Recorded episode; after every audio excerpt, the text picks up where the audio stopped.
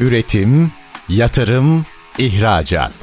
Üreten Türkiye'nin radyosu Endüstri Radyo sizin bulunduğunuz her yerde. Endüstri Radyo'yu arabada, bilgisayarda ve cep telefonunuzdan her yerde dinleyebilirsiniz. Endüstri Radyo.com Sabri Öz'ün hazırlayıp sunduğu Fütürist Yaklaşımlar programı başlıyor. ST Endüstri Radyo'dan herkese iyi günler diliyoruz. İlim ve bilim yolundan saygılar sunuyoruz. Fütüristik yaklaşımlarda bugün çok özel bir konuğum var. Tasarım ve sanat üzerine konuşacağız. Ee, daha önce yapmadığımız bir program şeklinde olacaktır diye ümit ediyorum. Çünkü e, genelde e, hele hele Endüstri Radyo'da pek böyle konular işlenmiyor olsa gerek ya da işleniyorsa da bu da özellerden bir tanesi olmuş olacak. E, Sebahattin Kayış Bey bizimle. Hoş geldiniz efendim. Çok teşekkür ederim hocam. Nasılsınız? Teşekkür ederim. Sizler de iyisiniz inşallah. Çok şükür. Yaramaz bir şey yok. Uğraşıyoruz. Evet Sebahattin Bey önce kendinizi biraz tanıtın. Zor bir görev vereceğim. Farkındayım. İnsanın kendini tanıtması zordur. Ondan sonra dilerseniz tasarım ve grafik meselesine geçelim. Biz çünkü ne neydi ve nasıl olduğu konuş nasıl olacak e, şeklinde konuşuyoruz konuşmalarımızı. Genelde bu minvalde çerçevelendiriyoruz. Ne konuşacağımız belli. Grafik tasarımı ve sanat üzerine konuşacağız ama neydi sizden alacağız ve e, ne olacak tarafını da birlikte tartışıyor olacağız. Buyurun mikrofon sizin efendim. Ee, Sabahattin Kayış Eyüp Sultan'da 1961 yılında doğdu. Öncesi diyorsunuz. E, Sizin öncenizden buyurun. Benim öncem e, sanatımla ilgili önceliğim pazarda fiyat etiketleri yazmakla başladı. Aa. Ya oradan oradan e, dikkat çeken bazı kişiler e, matbaacı abimiz vardı. Mehmet Bey diye Bolulu bir matbaacı abimiz. Dedi sen dedi güzel yazılar yazıyorsun dedi. Benim matbaama gel dedi. Hani matbaasına çağırdı beni. Ben o sırada lise talebesiyim. Lise ikinci sınıf falan. Gittim matbaaya hemen bana oradan bir fatura verdi. Faturanın e, renk yeşilli mavili bir logo. Dedi bunu de tekrar basabilmesi için çizilmesi lazım. E, ilk yapacağım bir şey bu tabii. Yapabilir miyim yapamaz Yaş kaç bu arada? Yaparsın 17-18 yaşlarındayım. Hmm. Yani aldım. Hemen gittim pazardan bir şeftali sandığı aldım. Şeftali sandığın üzerine bir camcık koydum. Üstüne bir Aydinger o zaman Aydinger'in ne olduğunu bilmiyorum da parşömen yağlı kağıt koydum. Evet. Üzerinde çizmeye başladım falan böyle götürdüm. Ha çok hoşuna gitti. Bak sen bu işi yapacaksın şu bu falan dedi. Hatta bir de beni yüreklendirmek için dedi ki ya dedi Cağaloğlu dedi bir masan olsa dedi. Oraya masa atan dedi günde 4000 lira kazanıyor dedi. o zamanki değerleri bilmiyorum para değerleri falan. Tabii öğrenciyiz. Bizim için çok büyük paralar bunlar. Bir iştahlandık falan böyle. Öğrencilik neredeydi o dönemde? Öğüt Lisesi'nde okuyorum. Hı. Öğüt Lisesi'nde e, ders aralarında biraz da şeyim e, anarşi vardı o dönemler. Okulda ha, ha. çok sağlıklı bir eğitim alamıyorduk. 70 ders, öncesi. 70 79 o, 80 81 pardon, o yıllar. 80 öncesi özür dilerim. Evet, evet. 70 öncesi değil. O yıllar e, sağlıklı bir eğitim de alamıyoruz falan. Böyle okulu biraz boş verdim. Yani evet. sınıfın en arkalarda oturan, üzerinde şort, ayağında spor ayakkabısı, üst tarafta kravat ve ceket vay vay. Tahtaya kaldırsa çıkacak, görünecek sahneyi düşünebiliyor musunuz böyle? Teneffüste hemen 5 dakikayı futbol oynamakla değerlendirmeye çalışan o heyecanlarda bir öğrenciydim. Şimdi derslere tabii boş veriyordum. Masamın üstünde bir şey çiziyorum. Felsefe hocamız geliyor bakıyor yürürken ya Sabahattin'ciğim bunlarla ne uğraşıp duruyorsun? Bunlar sana hiçbir şey kazandırmayacak. Dersine bak falan derdi bu şekilde.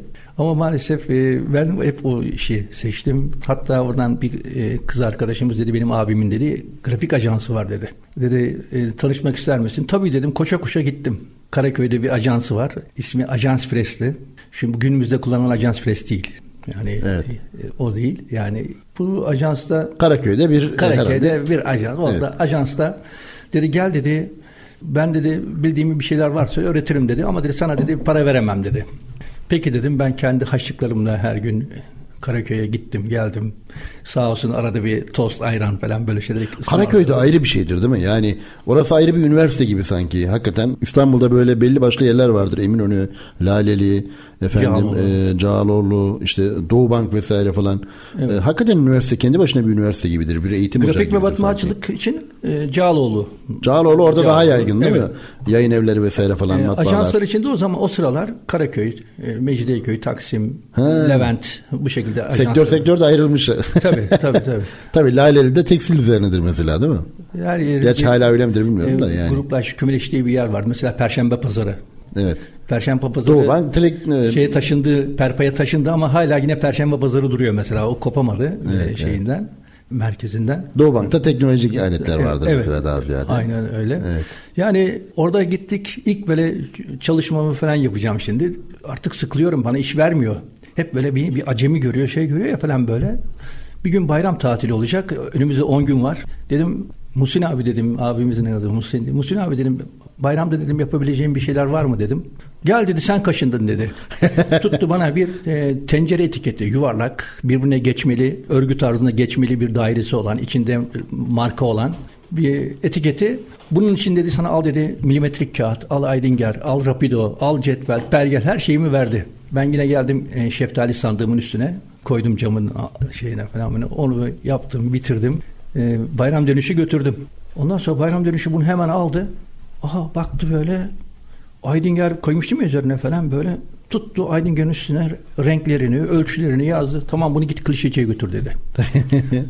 Tabii ben e, çok sevindim. İş onaylanmış ve hiçbirini düzeltmiyor. Direkt e, renklerini yazıyor, ölçülerini yazıyor. Klişeciye... Çok keyifli değil mi? Çok keyifli. Ve Ben bir işi başarmanın e, mutluluğu içindeyim. Döndüm o işe, döndüm hatta bir de ödülünü aldım hemen tostum ayranımı ısmarladı. Orada e, kendi akranım olan diğer bir gemicilik şirketinin e, yanında çalışan sağa sola götür, götürüşleri yapan ofis boyu bir arkadaşım vardı. O dedi ki ya dedi Muhsin abi arkandan dedi ki dedi hiç beklemiyordum ya dedi. Bak dedi gördüğünüz gibi dedi hiç dedi düzeltme yapmadım. Olduğu gibi klişeciye gönderdim dedi. O mutluluk bana yetmişti orada. İlk mesleğimin ilk ödülü oydu. O zaman mı anladınız bu işten e, kopmamanız gerektiğini? İşi seviyordum. Ee, en azından e, akademik bir kariyerim yok o zaman. Bu işin bir de alaylı ve mektepli durumu var. Ha, şu sıralar alaylıyız. Yani piyasadan öğrenmeye başlıyorum. Bir Bu daha güzel bir şey sanki Usta çırak ilişkisi her zaman daha iyidir. Onun daha iyi izlersiniz. E, takıldığınız yerde sorabilirsiniz. Çünkü görsel hafızayı bir kere çok net bir şekilde kullanıyorsunuz. Beyin daha aktif çalışıyor anladığım kadarıyla. Mümkündür. Yani o şekilde. İlginç. Peki sonra ne yaptınız? Nasıl gelişti sonraki aşamalarda? Ben dedim- e, ne- neler yaptınız? Hangi birimlerde görev aldınız? Dedim okuluna gitmek istiyorum. Dedi güzel sanatların sınavları var dedi. Liseyi bitirdikten sonra sınavlara gireceksiniz dedi. De bu sü- süreci takip ettik. Sınavlara girdik.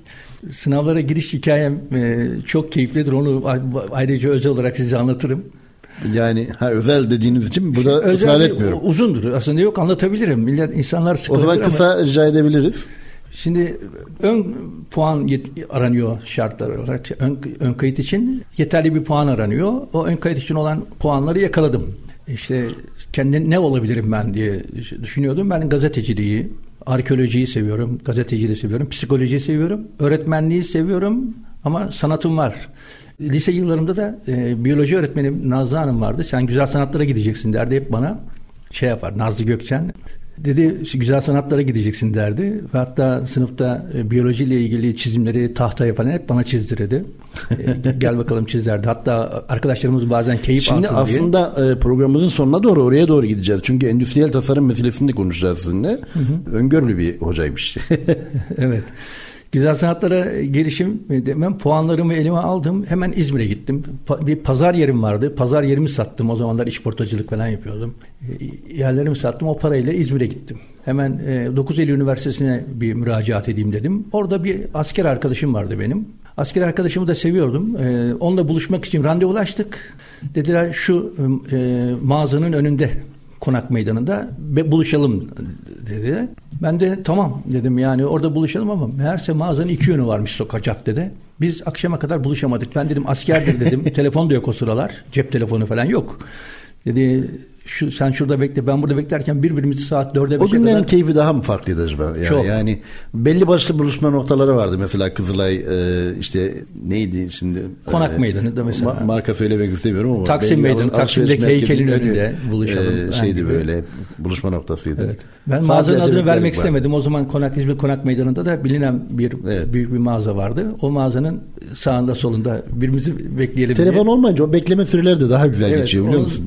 askerlik durumunu düşündüğüm için dedim herhalde dedim gelemeyecek falan. Bu sefer ön kayıta giremedim. Arkadaşımı yolda Ana. bırakmadım. Asker olduğunu biliyorum. Onu mağdur etmeyeyim diye ön kayıta giremedim. Hemen ertesi Öyle- öyle geçti. İstanbul'a döneyim dedim. İzmir'i gezmiş oldum. Hayırlısı olsun. Kocaeli Üniversitesi'ne müracaat edeyim dedim. Cuma günü Geldim Koca Üniversitesi'nde işte elektrik elektronik falan var. Bakın puanım onlara yetiyor. İstediğim yerlere giremiyorum. Arkeoloji yok. psikoloji yok. Öğretmenlikle ilgili orada zaten yok. Oraya da müracaat etmedim. Dedim ki bunları kazansam ne olacak? Sevmediğim bir okulda okumak istemiyorum dedim. Beşiktaş'tan Yıldız Üniversitesi'ne o müracaat etmedi. Şeye geldim. Yıldız Üniversitesi'ne geldim. Orada da baktım aynı sorunları yaşadım. Oraya da müracaat etmedim. Elimde kağıtlar dolaşıyorum. Daha son gün hiçbir yere müracaat etmedim. Okula Beşiktaş'a indi Barbaros'tan. Tam bizim mevcut e, şeyde tatbiki Devlet Tatbiki Güzel Sanatlar Yüksek Okulu Beşiktaş Akaretler'de. Orada otobüs durdu. Okulu karşıda görüyorum. Elimde kağıtlar. İnim mi inmeyeyim mi? Saat dört buçuk. İnim mi inmeyeyim mi? Falan diye. Ben indim kapılar kapandı. Yani inmesem otobüs gidecek ve ben ön kayıta müracaat edemeyecektim.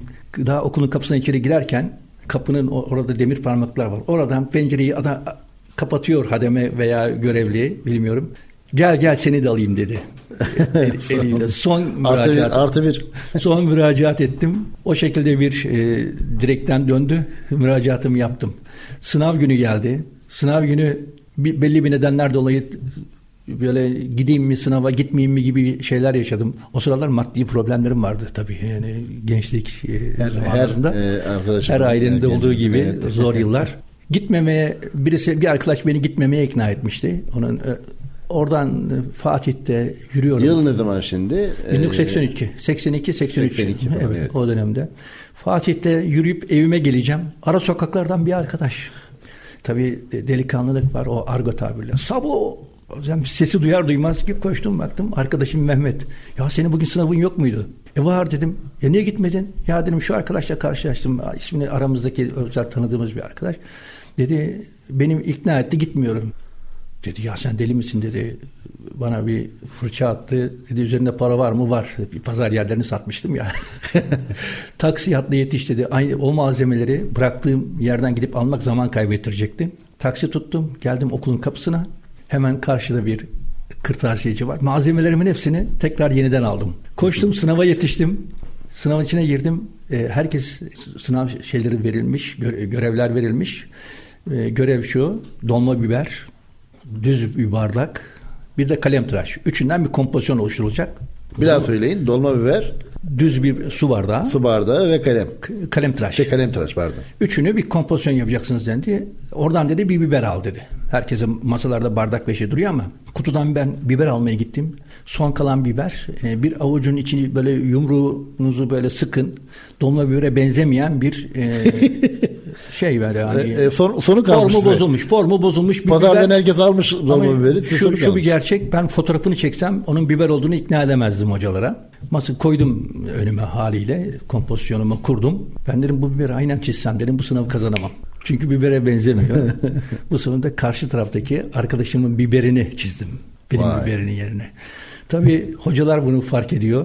Böyle kontrol için mesela yürüyor hocalar ya böyle aramızda. Benim o tarafa gelen hoca şöyle arkamda bir duruyor, gidiyor. Gidiyor, tur atıyor, geliyor. Benim orada yine bir duruyor. Bakıyor çünkü bir, Kara kalem çalışılıyor bu kara arada, kalem değil mi? çalışılıyor. Biber e, başka, kağıda dökülen başka çünkü. O, o şaşkınlık var hocalarda. ben e, hemen çalışmamı bitirdim. Biberleri kutuya attım gittim. Sonuçları kontrol etmeye geliyoruz. E, mahalleden arkadaşlarımla. Herkes o- okuyor isimlerini. Ben de okuyorum. İsimlerimi göremedim ismimi. Tam gideceğiz. Arkadaşlarımdan bir tanesi dedi ki dur dedi altta dedi devam ediyor liste dedi. Liste yetmemiş sıra. He. Bir devam etmiş. Orada e, 52 kişinin içinde 37. olarak kazanmışım. Ama sıraya yetmeyince o şekilde herkes birbirini öperken kucaklaşın ben bir önce bir soğuk bir Kötü duş şey. aldım. Evet. Gidecek oldum. Kompozisyonda neyi e, planlamıştınız? Orada e, sadece hani düzgün yerleştirmek orada şey aramıyorlar. Bir sanat Farklı bir aranmıyor. tasarım şeyi yok. Gördüğünü çizebiliyor mu? Ha, anladım. Çünkü anladım. orada bir fark ettiyseniz bir e, şeffaf bir malzeme var. Cam. Anladım. Kalemtıraş plastik bir malzeme. Biber de canlı bir organizma. Anladım. Ee, şimdi kısa bir ara vereceğiz. Fütüristik yaklaşımlarda Sebahattin Kayış'la beraberiz. Bir sonraki e, aşamada inşallah sektörü biraz daha etraflı bir şekilde konuşacağız. Ee, siz de dolayısıyla tanımaya da devam ediyor olacağız. Ee, kısa bir ara veriyoruz. Üretim, yatırım, ihracat. Üreten Türkiye'nin radyosu Endüstri Radyo sizin bulunduğunuz her yerde. Endüstri Radyo'yu arabada, bilgisayarda ve cep telefonunuzdan her yerde dinleyebilirsiniz. Endüstri Radyo.com ST Endüstri Radyo'da fütüristik yaklaşımlarda Sebahattin Kayış'la devam ediyoruz. Evet Sebahattin Bey sizin biraz tarihçenizi dinledik. Şimdi şöyle bir acaba grafik tasarımının tarihçesiyle şöyle bir e, bizi bilgilendirebilir misin? Gerçi Mısır'dan başlamanızı istemeyeceğim ama papyrus, papyrus kağıtlarından falan ama e, nasıl uygun görürseniz şöyle biraz e, bahsedebilir misiniz? E, Mısır'dan başlamayalım da daha evveline gidelim. Daha evveline ha o da güzel. Mağara. evet evet İspanya Altamira mağaraları, Fransa'da Lascaux mağaralarında Oo. kaya üzerindeki çizimler. Bunlar e, şeyle ilgili tabii av kültüyle ilgili. Onlar grafik tasarımın içinde sayılıyor mu?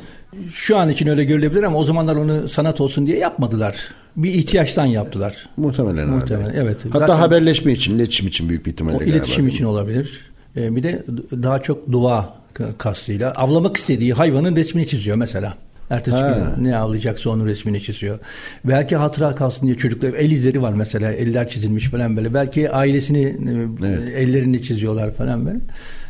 Tabii anlamlarını o şekli ne, ne kastettiklerini bilim ileride belki bulacaktır. Şey vardır hani e, insan yaşam eğrisi deniyor veya insan yaşam eğrisi aslında çan eğrisi şeklinde.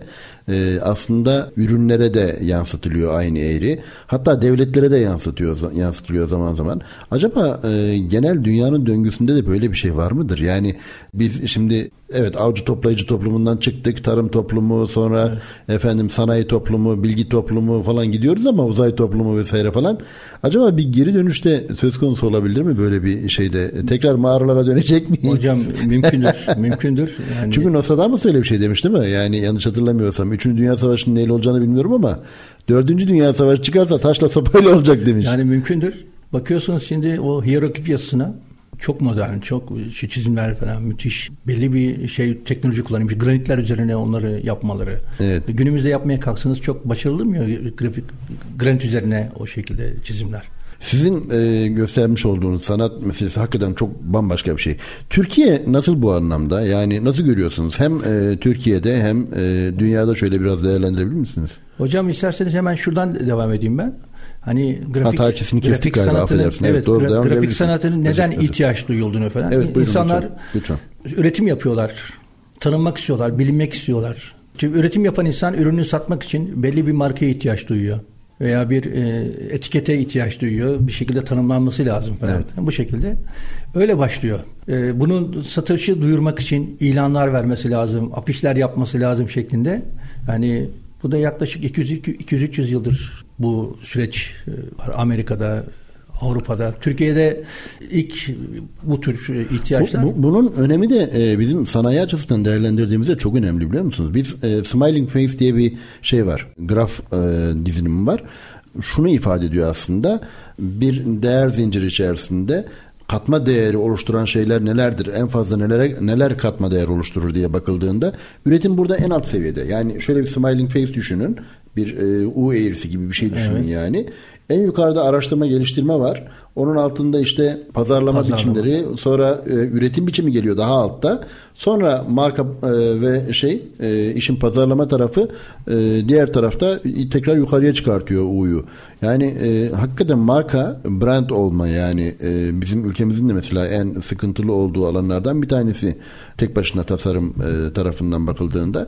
Gerçi biz e, sanayi e, tarafında yani endüstriyel tasarım tarafını da çok e, sıkıntılı e, en azından ben öyle görüyorum bilmiyorum yani Türkiye'deki e, eğitim açısından falan da değerlendirildiğimizde gerçi bu Evet. konu çok derin ama siz nasıl görüyorsunuz? Yani Türkiye'deki şey nasıldır? Gidişat nasıldır?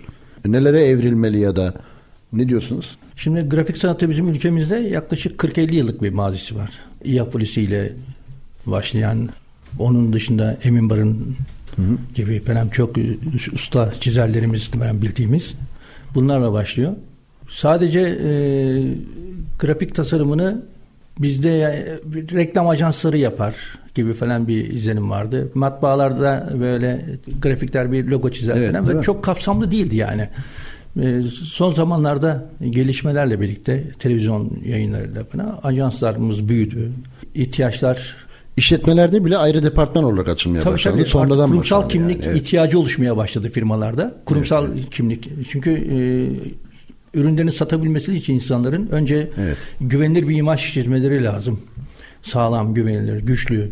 Bunun için e, bizim ülkemizde de yavaş yavaş bunlar oluştu. Yani önce dediler ki kurumsal kimliğimizi oluşturalım. Kurumsal kimliğin ne olduğunu biz e, yaklaşık 20-25 sene önce en fazla bu zamanda öğrendik. Hmm.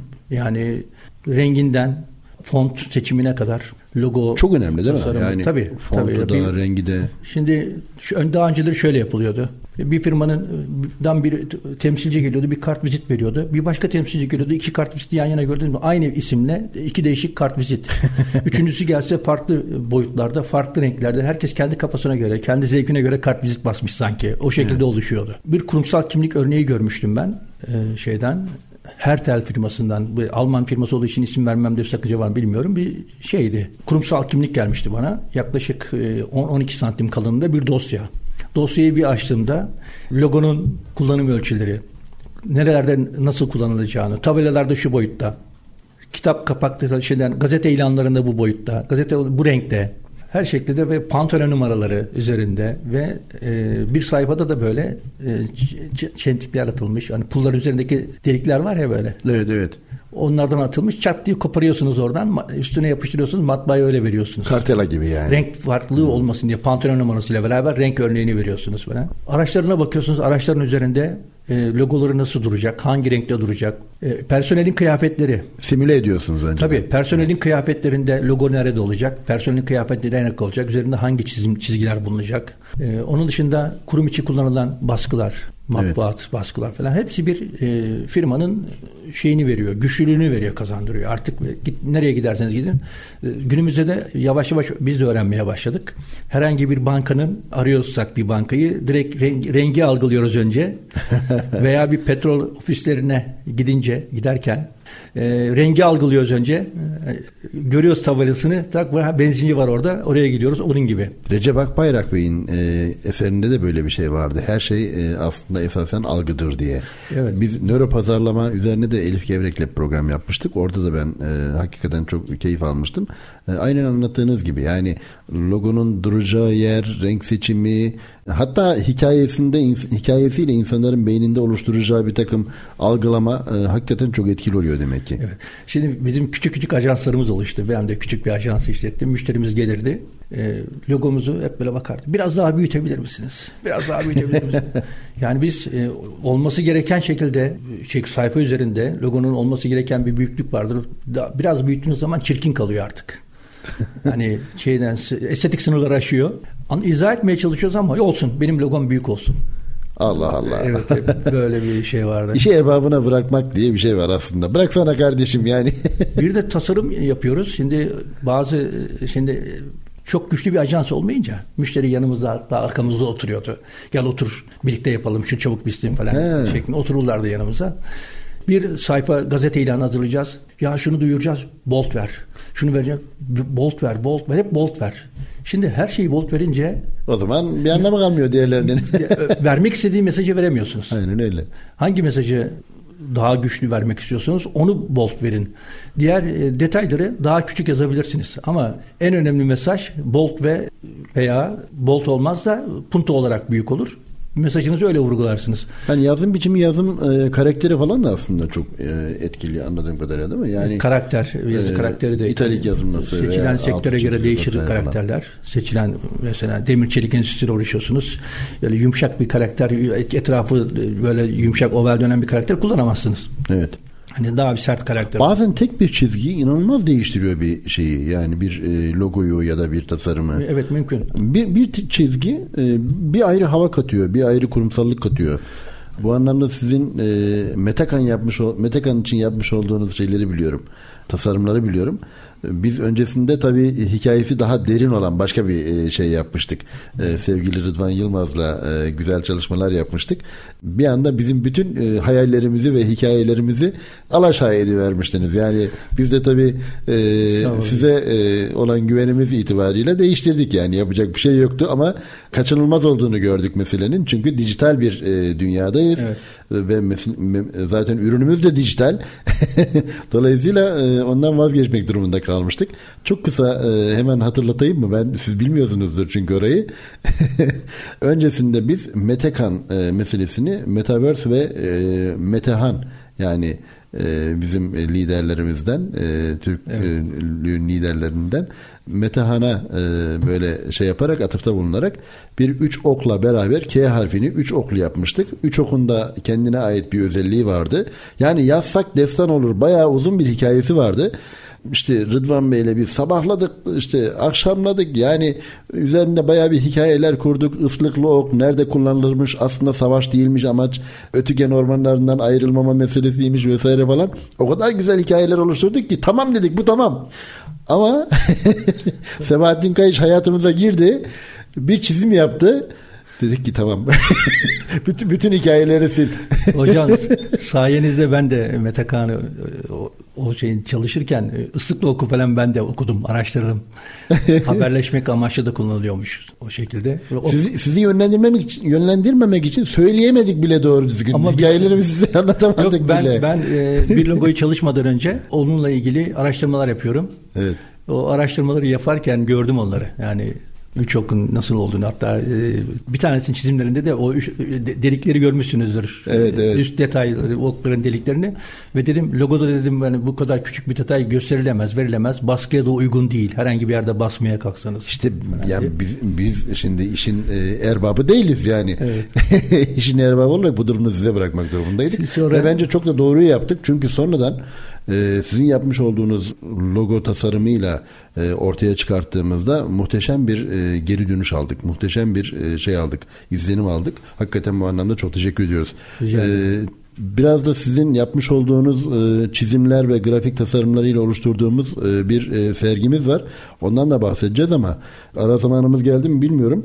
Kısa bir ara verebiliriz aslında. Mete Kaan logosu Mete da hocam logosu onu söyleyeyim. Buyurun. söyleyeyim. E, o interaktif bir logodur o. Fark ediyorsunuz. Siz onu daha önce ben size anlatmıştım.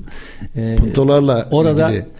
E, şeyle ilgili optik bir yanılsama var orada. Evet evet. Hani bazen siyah be, e, siyah kalelerin arasında beyaz noktaları görüyorsunuz falan. Dikkatle böyle. bakarsanız göz göz yanılsaması işte, mı diyoruz ona? Ne e, diyoruz? Şey, şey optik optik optikal e, optikal İl, illüzyonel bir tarafı var yani. Optikal onun, etki diyoruz. Evet, en işte doğrusu et, bu. Etkiledi bizi de zaten. Evet, onun için evet. hemen o kadar hikayeyi bir anda Gözle e, silebildik yani. yanar söner bir logo oldu o. Evet, evet. Çok teşekkür ediyoruz. Ee, şimdi kısa bir ara verelim isterseniz. Ee, sonra devam Peki edelim. Hocam. ST Endüstri Radyo'da Fütüristik Yaklaşımlar Sebahattin Kayış ile devam ediyor efendim. Üretim, yatırım, ihracat. Üreten Türkiye'nin radyosu Endüstri Radyo sizin bulunduğunuz her yerde. Endüstri Radyo'yu arabada, bilgisayarda ve cep telefonunuzdan her yerde dinleyebilirsiniz. Endüstri Radyo.com ST Endüstri Radyo'dan fütüristik yaklaşımlarla devam ediyoruz. Ee, konuğumuz Sebahattin Kayış bizimle beraber. Sebahattin Bey çok güzel program oluyor. Çok keyifli bir sohbet oluyor.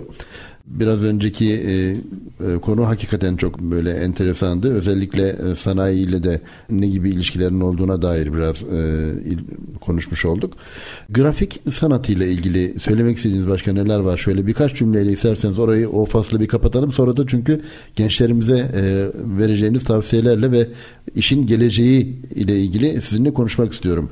Programımızın formatı evet. çerçevesinde. Buyurun efendim. Grafik e, çizgiyle ilişkili anlamına geliyor. Yani çizgiyle bir kitap kapağı, bir basın ilanı, bir afiş, poster, aklınıza ne geliyorsa bu tarz şeylerin falan hepsinin bir görsel tasarım çizgiyle veya fotoğrafla evet. e, biçimlendirilmesi anlamına gelmeli bu grafik sanatı ile ilgili. Türleri var karikatür de, karikatür de mesela bir grafik sanatıdır. Hmm. Mesela bakıyorsunuz evet tipografi, kaligrafi, litografi, taş baskı. Bildiğiniz. Taş baskı nasıl oluyor? Taş baskı önce deseni çiziyoruz. Neye? Taşa? Taşa. bir de hatta e, çinko üzerine. Buna yine litografinin içine giriyor bu. Çinko üzerine Enteresanmış. deseni çiziyoruz. Çizdikten sonra bunun üzerine belli bir kalınlıkta kıvamda emisyon film emisyon şeklinde bir sürüyoruz. Pozlandırılıyor. O çizdiğimiz kısımlarla negatif pozitif dediğimiz olay film film gibi e, bazı yerler boşalıyor. Orada desen şey kalıba çıkıyor. Sonra çalışmamızı yapıyoruz. E, renklendiriyoruz onu. Makinemizin şeyimizin silindir şeklinde ağır onun üzerinden geçecek çünkü. E, makinemizin oraya getiriyoruz. Kuruyoruz onu. Boyamı şeyimizi yaptıktan sonra kalıbın üstüne kağıdımızı koyuyoruz. Kuvvetli bir baskıyla o silindir üzerinden geçiyor. Litografi öyle mi? Litografi evet. Hmm, evet. Silindir. Çinko, Başka çinko veya taşın üzerinden geçiyor. Şey yapıyoruz. Oradan e, yegane tek bir örnek alınıyor. Eğer aynısından bir daha basmak isterseniz oradan altına yazıyorsun işte 1 bölü 2. Yani iki taneden bir tanesi bu şeklinde. Allah Allah. Kurşun kalemle şey N-. NFT'ye çok uygun ha bu. Tabii. e, 10 tane yapacaksanız 1 bölü 10, 1 bölü 10 bölü 2, 10 bölü 3 gibi 10 tane Anladım. basıl, Onun birincisi, basıldı. onun ikincisi, işte onun üç, üçüncüsü üçüncü, üç tanesi bu gibi. Onu değerli kılan o. Şimdi bu e, NFT'lere geçiş olsun diye bunu söyledim zaten. Hmm, buyurun. Burada da böyle e, şey olacak. Mesela bir NFT'yi bir tane yapmak onu çok değerli kılar. Ama 100 tane yaptığınız zaman değerinde bir azalma olur değil mi? Onun gibi. Evet evet. Onun gibi yani. Sizin zaten Metaverse ortamında hazırlamış olduğunuz e, yine Rıdvan Yılmaz'la hazırlamış olduğunuz bir e, müze vardı. Tipografi Müzesi değil mi? Evet evet. Ondan bahseder misiniz biraz? Ha, tabii. Ha, hocam bu şeyden e, litografiden sonra bir Aa, özür ben, serigrafi ben, ve- ben böldüm evet. Lütfen Seri- devam edin. Bir serigrafi vardı. K- Geçmişte klasikte en çok kullanılan. Ondan bir e, şey yapayım. Bir de fotoğraf. Fotoğraf da bir grafik e, şeydir. Adı, üzerinde olduğu gibi. Grafi, O da e, bu sanatın fotoğrafi. ışıkla yapılanı. Eğer ışık varsa fotoğraf vardır. Işık yoksa fotoğraf yoktur. O, o manada. Biri e, öncekiler çizgiyle. O karanlık oda ve ışık odası. Evet, Evet. evet. Şimdi sizin o dediğiniz tekrar sorunuzu alayım. Metaverse ortamında yapmış olduğunuz bir müzeyi hatırlıyorum ben. Yine Rıdvan Bey'le yapmış olduğunuz, Ha, evet. Yılmaz'la yapmış olduğunuz bir çalışmaydı.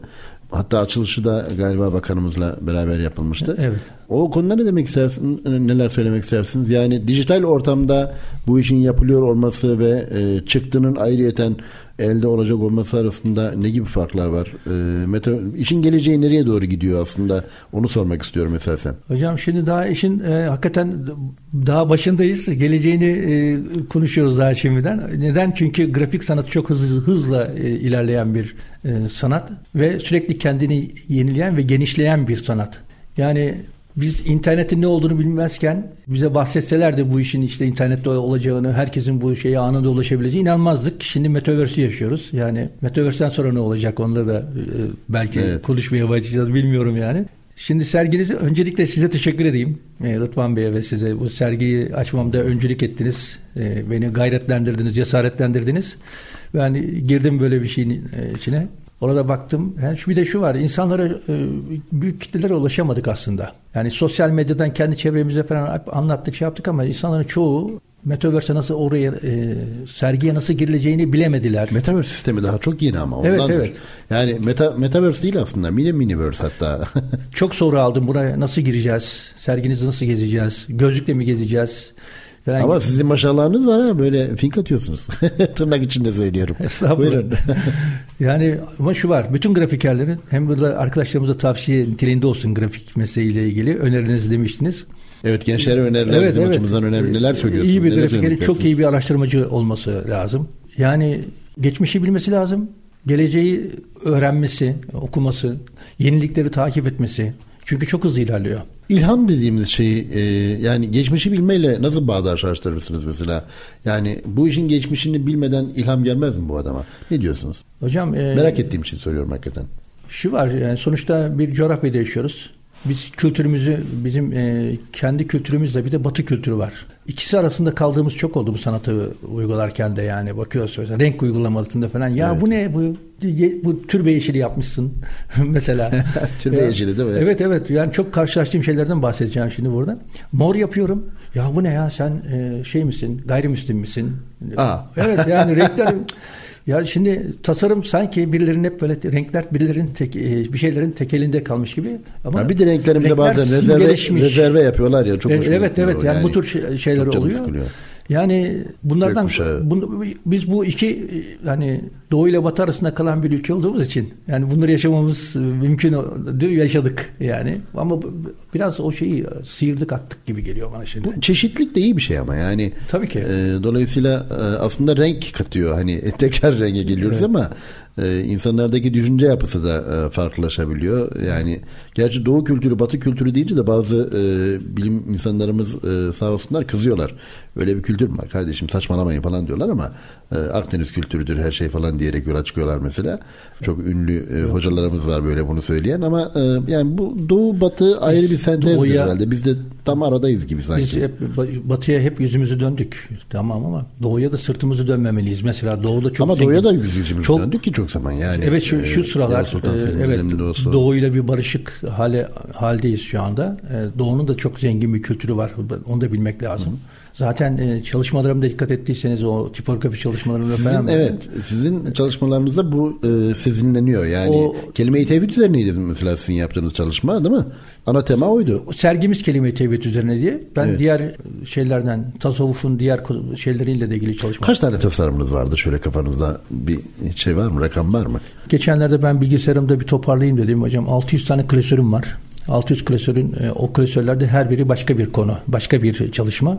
O çalışmanın da içinde, e, o klasörlerin içinde de kendi içinde e, ayrılan parçacıkları var. Yaklaşık bir rakam var mı kafanızda? Yani 2000-3000 tane çalışma yapmışımdır da. Ha bu oldu dediğim yani e, 100 tane 150 tane çalışmam vardır. Ha böyle bu benim içime sinen bu iş oldu dediğim.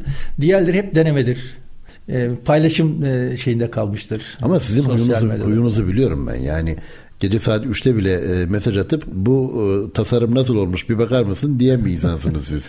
Yani e, aşk ile koşunca yorulmuyorsunuz hakikaten. Bu işe belli ki sevdanız çok büyük yani o, o anlamda hakikaten hakkınızın teslim edilmesi lazım diye düşünüyorum. Çok teşekkür ederim hocam. Yani yorgunluk hissetmiyorum hakikaten. Ben e, aksine e, bu çalışmaları yaparken e, zamanı bana yetmediğini düşünüyorum.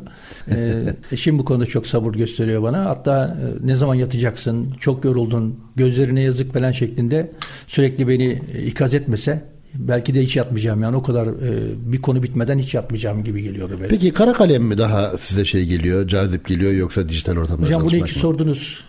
İyi ki sordunuz bunu. Çünkü bir şey atlayacaktım. Şimdi herkes bilgisayarın karşısına geçince oturunca hemen tasarım yapacağını düşünüyor. Tasarım orada değil, kara kalemde başlıyor. Önce kağıtlara e, tasarlayacağız ki e, yapacak olduğumuz çalışmayı ne yapacağımızı bileceğiz. Bilgisayarın karşısına öyle oturacağız. Şimdi e, grafikerliğin e, bilgisayar hatta, hatta çalışmalarımı görüp de bunları hangi programda yapıyorsunuz diye soranlar oluyor. E, nezaketen cevap vermek istemiyorum. Programın yaptığını düşünen arkadaşlar var o çalışmaları. Önce bir e, altyapısı var. Karalıyorsunuz, oluşturuyorsunuz. Önce kafanızda oluşturuyorsunuz. Kağıda döküyorsunuz, kağıttan bilgisayara aktarıyorsunuz. Oradan Öyle mi gerçekleşiyor bu yoksa eliniz tamamen gayri ihtiyari e, yaşamış olduğunuz şeylere istinaden çiziyor ve sonradan onu, onu beyniniz kabul mü ediyor? Şimdi Yani beynimde oluşturduğum şeyi doğrudan direkt bilgisayarda oluşturduğum da oluyor ama beynimde oluşuyor yani önce. Kağıda çizmeden de yaptığım çalışmalarım mevcut yani çok sayıda var. Ama gerçekten bir tasarım, ben genel anlamda konuşuyorum bunu. Bir firmaya bir çalışma yapacaksınız. Önce prototiplerini oluşturacaksınız, eskizlerini oluşturacaksınız. Ondan sonra bilgisayarın karşısına oturacaksınız.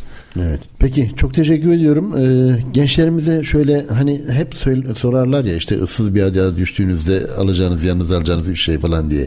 Gençlerimize tavsiye edebileceğiniz şöyle üç tane şey olsa böyle başat. Çok araştırmacı olmaları, Tamam bir araştırmacı olacaklar onu anladık. farkındalığı çok iyi bilmeliler. Mesela e, bakmak ile görmek dediğimiz bir hadise var. Evet. Hepimiz bakarız ama e, farklı şeyler görürüz ya öyle böyle. E, grafikerler bununla ilgili çok detaylı araştıracaklar. Firmanın e, hizmet verdikleri sektörüyle ilgili otursunlar, önce araştırma yapsınlar. Firmanın tarihçesini sorsunlar, firmanın yaptığı işi falan O öğrensinler. hikayeyi alsınlar bir Evet, kere hikayeyi yaşasınlar. içselleştirsinler. Evet, Yani iyi bir araştırmacı olmalı, iyi bir gözlemci olmaları. Gözlemci gözlemcilik çok önemli. Peki kurumlarımıza ne tavsiye edersiniz? Yani ST Endüstri Radyo'nun e, dinleyicilerine özellikle işletme sahiplerine e, onlara dair kurumsallaşmayı Evet evet. neler söylemek istersiniz? Kurumsal olmak Son sözlerinizi alalım. E, programımızın sonuna doğru geliyoruz. çünkü. Kurumsallık Buyurun. çok önemli olmaz olduğu gibi hocam e, belki şu an şehrim, şehirlerimiz yaşadığımız şehirlerle ilgili bu grafikle ilgili bir şey söyleyeyim ben isterseniz. Buyurun. Belediye başkanlarımıza falan böyle. Şehir içinde bir tabela kirliliği var. Hmm. Tabelalar kirliliği. Bunlar hepsi grafik sanatıyla ilgili olduğu için söylüyorum. Ben e, Avrupa'daki birçok şehirlerin uygulamalarının falan örnek alınmasını öneririm. Yani tabela büyüklükleri o kadar devasa büyük çok görmek için, öne çıkmak için büyük büyük tabelalar yapıyorlar. Üçüncü kata yapıyorlar, ikinci kata yapıyorlar falan böyle. Bir giriyorsunuz e, Karaköy'de veya e, Fatih semtinde bir gidin her taraf tabela dolu. Tane tabelalardan binaları göremediğiniz yerler Ver, var. vergi alınıyor onlardan. Efendim? Vergi kazanıyoruz onlardan. Şimdi ama vergi alınır. De, belediye yine vergi alır. Tabelaların hepsinin Belli bir boyları- standardı mı belli bir olsun standardı mesela olsa? Ha, belli bir standardı olsa, Zor belli iş. bir yükseklikte olsa, hepsinin aynı anda e, büyüklükleri, renkleri belli bir standartta olduğu zaman he- hepsi dikkat çeker. Ben öne çıkacağım deyince büyük koyunca bir başkası öne çıkacağım diyor tabelayı büyük koyuyor. İkisi de birbirini nötr ediyor. Nötralize aynı şekilde. Yani e, 20 santim tabela koydunuz 10 metre tabela koydunuz. Ama hepsi 10 metre olunca ile hepsi 20 santim olunca zaten aramak isteyen, bulmak isteyen onu Eyvallah. buluyor. Eyvallah. Şunu ayrıca e, uzaktan görünmek isteyebilir. Onun için devasa o duvar panolarını falan bunları yadırgamam. Ama o amaçla e, şey yapılmış o. Ama Peki. cadde üzerinde e, dükkanların üzerinde koca koca tabelalar olması uygun gelmiyor bana.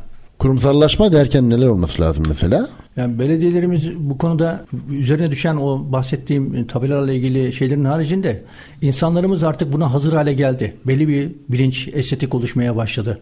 Yani herkes bir şey yapacağı zaman en ufak bir bakkal dükkanı dahi kendisine e, güzel bir logo yapılmasını veya bir e, tabela yapılmasını falan böyle herkes güzel her şeyin güzel olmasını bu grafiğin e, bilincine varmaya başladı insanlarımız.